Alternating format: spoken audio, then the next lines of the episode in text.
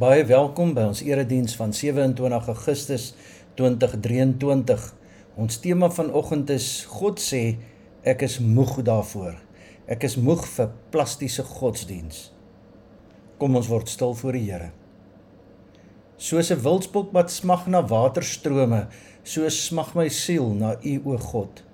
My siel dors na God, na die lewende God. Amen. Ek groet julle in die naam van die Vader en die Seun en die Heilige Gees. Kom ons bid saam. Here, dankie dat ons weer die woord kan oopmaak en dat ons daaruit kan lees en kan hoor.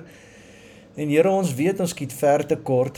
Dankie dat U vir ons lief is, dat U vir ons aan die kruis U seun laat sterf het, maar meer vir ons die oorwinning ook bewerk het deur die dood te oorwin.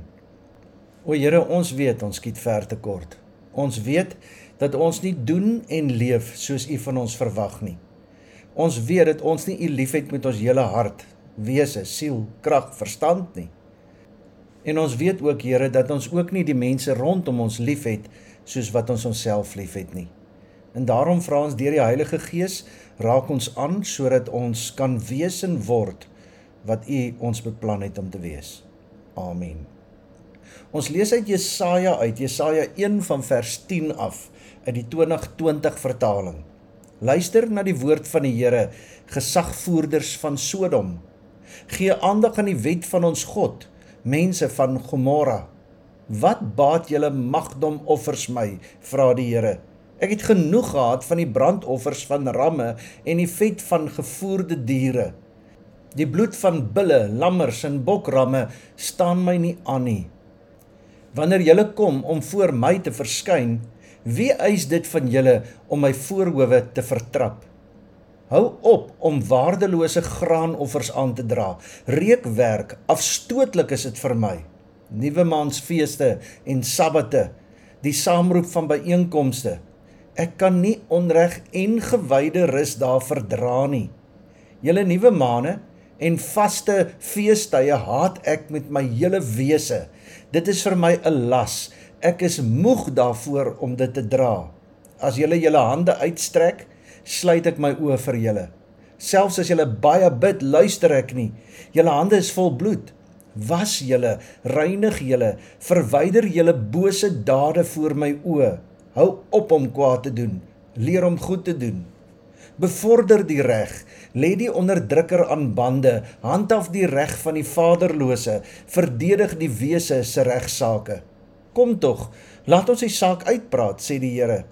Al is julle sonde rooi soos karmosyn, dit sal wit word soos sneeu. Al is dit rooi soos skarlaken, soos wol sal dit word. As julle gewillig is en luister, die goeie van die land sal julle geniet.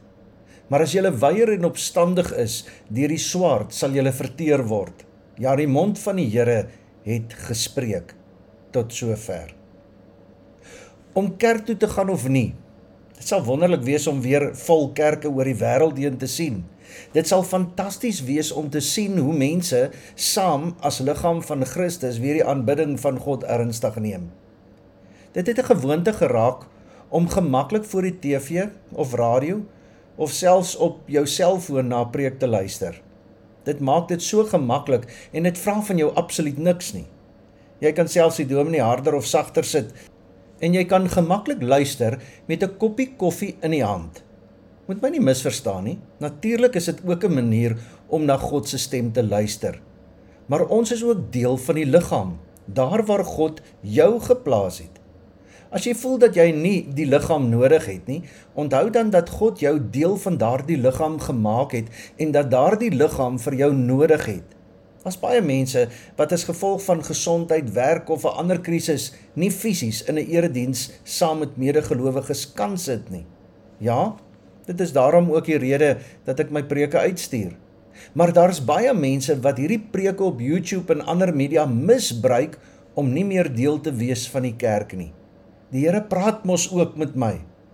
Ja, maar as jy in 'n kerk kan wees, dan is jy selfsugtig. Baie mense bly weg, dood eenvoudig omdat dit gemaklik is om nie kerk toe te gaan nie. Jy is en bly deel van die liggaam en jy het 'n verantwoordelikheid teenoor daardie liggaam. Deel wees van die liggaam van Christus is 'n verantwoordelikheid en dit gaan oor jou gesindheid. Ja, jy kan elke liewe Sondag ook op jou plekjie in die kerk sit met die verkeerde gesindheid, dit verstaan ek. Dit gaan nie oor wie preek nie. Dit gaan nie oor wie langs of voor of agter jou sit nie. Dit gaan oor jou ontmoeting met God saam met jou medereisigers, saam met die ander sondaars, sondaars soos jy. Dit gaan oor gesindheid, jou verantwoordelikheid en oor jou oorgawe aan God. Daar bestaan 'n groot kloof tussen erediens en ons daaglikse lewe. Wat in ons lewens gebeur, pas nie altyd by die godsontmoeting van die erediens nie. Vir kinders van God, mense wat binne die ruimte van genade lewe, is 'n kloof tussen lewe en erediens altyd 'n krisis. Wanneer ons lewens nie erns maak met die beloftes van God en ons lewenstyl nie pas by die wil van God nie, is dit tyd vir berou, bekering en hertoewyding aan God. Dis die worsteling van ons teks. Die profeet Jesaja tree ernstig in gesprek met die volk van God. Ons kan die inhoud van die gesprek kortliks as volg opsom. Die volk se lewe en hulle godsdiens pas glad nie by mekaar nie. Op hierdie stadium word hulle lewe vergelyk met Sodom en Gomorra, met ander woorde, 'n lewe wat net op jouself en jou eie behoeftes en jou eie begeertes fokus en daarom is hulle eredienste en al hulle offers leeg, sinloos en word deur God afgewys. Hy's moeg daarvoor. Die rede is die lewe van onreg wat die volk lei. Hulle doen nie die goeie nie, Hulle laat nie reg geskied nie. Hulle leef selfsugtig terwyl mense rondom hulle swaar kry. Jou godsdiens en jou medemensehantering kan en mag nie van mekaar losgemaak word nie. Hulle godsdiens het plasties geword omdat dit nie prakties geword het nie. Oorgawe aan God is ook oorgawe aan jou medemens. Daarom word hulle opgeroep tot bekering. Interessant dat hulle nie opgeroep word om meer kerk toe te gaan nie, maar om reg te leef. Vers 16 was julle reinig julle verwyder julle bose dade voor my oë. Hou op om kwaad te doen. Leer om goed te doen. Bevorder die reg. Lê die onderdrukker aan bande. Handhaaf die reg van die vaderloses verdedig die weduwees se regsaake godsdiens moet prakties in 'n lewens sigbaar wees jou verhouding met God word hier afhanklik gemaak van jou alledaagse lewe daar buite vers 19 As julle gewillig is en luister, die goeie van die land sal julle geniet. Reeds in Jesaja se tyd het God beloof, vers 18: Kom tog, laat ons die saak uitpraat, sê die Here. Al is julle sondes rooi soos karmosyn, dit sal wit word soos sneeu. Al is dit rooi soos skarlaken, soos wol sal dit word. In Christus Jesus is dit vir ons afgehandel. Die doel van Jesaja se boodskap is duidelik: bekering en lewensverandering. Dit moet dringend uitgesorteer word. Hulle moet besef dat dit die Here self is wat met hulle praat. Die bekering waarvan Jesaja praat is egter nie om God se volk te word nie, hulle is dit reeds. Dis ook nie om die regte God te aanbid nie, hulle doen dit reeds. Dis om God reg te dien en reg te aanbid. Op die oomblik hou die volk die tempeldiens tot in die fynste detail in stand al die voorgeskrewe offers word gebring, maar sodra hulle by die tempeldeur uit is, hervat hulle hulle lewe van sonde. Dalk het hulle gedink die tempeldiens koop God se guns. Dis 'n goeie belegging want dit beteken dat die Here sal hulle altyd daar buite seën. Maar God word nie omgekoop nie. Hier word juis gepraat van hulle baie offers, baie dae en feeste en baie gebede en tog is dit leeg. In Jesaja 1 vers 14 sê God: Ek is moeg daarvoor. Hoe lyk jou vroomheid? Jou godsdiens, jou oorgawe aan God. Hoe leef jy jou lewe wat deur Jesus Christus se bloed vrygekoop is van sonde? Hoe leef jy jou lewe wat so duur gekos het? As kerk luister, Bybel lees en bid, die som totaal van jou godsdiens is, dan sê God vanoggend vir jou, ek is moeg daarvoor. Het jou praktiese godsdiens plek gemaak vir selfbelang? Selfbelang neem nie plek in van nederigheid en vertroue in God. Jou godsdiens, jou aanbidding, jou lewe word vanoggend deur God self onder die vergrootglas geplaas. Wat is ons motiewe vir die manier waarop ons aanbid? Wil ons God se arm draai? Jou godsdiens beïndruk nie vir God nie. Jesus beklemtoon in Matteus 6 wanneer Jesus oor gebed praat, sê hy dat ons vroomheid en gebed nie daar is om God te beïndruk of om deur mense geprys te word nie. Aanbidding en jou lewe is onskeibaar. Jesaja plaas sy vinger op die seerplek van hulle aanbidding. Die rede hoekom hulle so getrou aanbid het, is 'n rookskerm vir iets anders. Hulle wil lewe soos hulle wil. Dit gaan oor hulle begeertes, dit gaan oor hulle behoeftes. Dit was nie die gebrek aan aanbidding nie, maar die gebrek aan 'n lewe wat daarmee saamgaan wat God siek en sat gemaak het. Ek is moeg daarvoor. Kyk net wat 'n sterk taal die Here hier gebruik om sy misnoë met hulle godsdienstigheid te kenne te gee. Hy is sat daarvoor. Hy's moeg daarvoor. Dit staan hom nie aan nie. Die groot probleem word geïdentifiseer. Jou aanbidding, jou godsdienstigheid en jou alledaagse lewe is onverzoenbaar.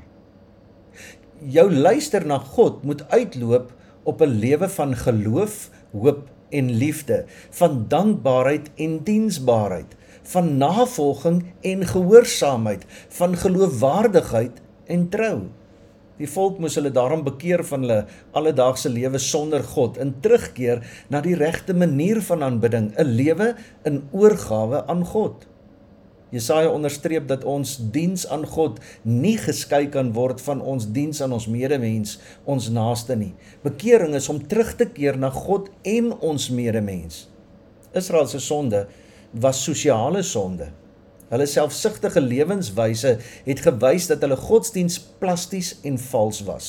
Hulle sosiale onreg het hulle aanbidding uitgekanselleer. Bekering is die gedurende terugkeer na ons naaste, 'n gedurende terugkeer na God. En daarom is egte bekering ook 'n sosiale bekering. Ons is gewas en gereinig deur die bloed van die lam. Deur die bloed van Christus het ons vrye toegang tot God, maar dit lei tot 'n lewe van omgee, liefde en goeie dade. Hebreërs 10 vers 24 sê: "Laat ons ons ook daarop toelê om mekaar aan te spoor tot liefde en goeie dade." Juist daarom is Jesaja se boodskap veel ernstiger vir ons wat Christus ken. Jesaja sê dat hoe jy teenoor jou medemens leef altyd sal wys hoe jou verhouding met God lyk. Matteus 5 vers 23 en 24 sê en wanneer jy jou offergawe na die altaar bring en daar onthou dat jou broer iets teen jou het laat jou offergawe net daar by die altaar en gaan versoen jou eers met jou broer en gaan gee dan jou offergawe. Bekering beteken om weg te draai van sonde en te draai na God en jou medemens toe. Jy het nou amper klaar geluister na hierdie boodskap en dan begin die erediens van die lewe daar buite Sodra ons deur die kerk se deure stap, lê die toets vir ons godsdienstbeoefening voor. Sê God van jou godsdiens ook dalk ek is moeg daarvoor? Wanneer ons lewens nie erns maak met die beloftes van God en ons lewenstyl nie pas by die wil van God nie, is dit altyd tyd vir berou, bekering, vir hertoewyding aan God. Here, maak my 'n instrument van die vrede. Waar daar haat is, laat ek liefde bring. Waar daar oortreding is, vergifnis. Waar daar twyfel is, geloof. Waar daar wanhoop is, hoop. Waar daar duisternis is, lig. Waar daar droefheid is, vreugde. O heilige God, gee dat ek in plaas daarvan om vertroosting te soek, ander sal vertroos. In plaas daarvan om begrip te soek, ander sal verstaan.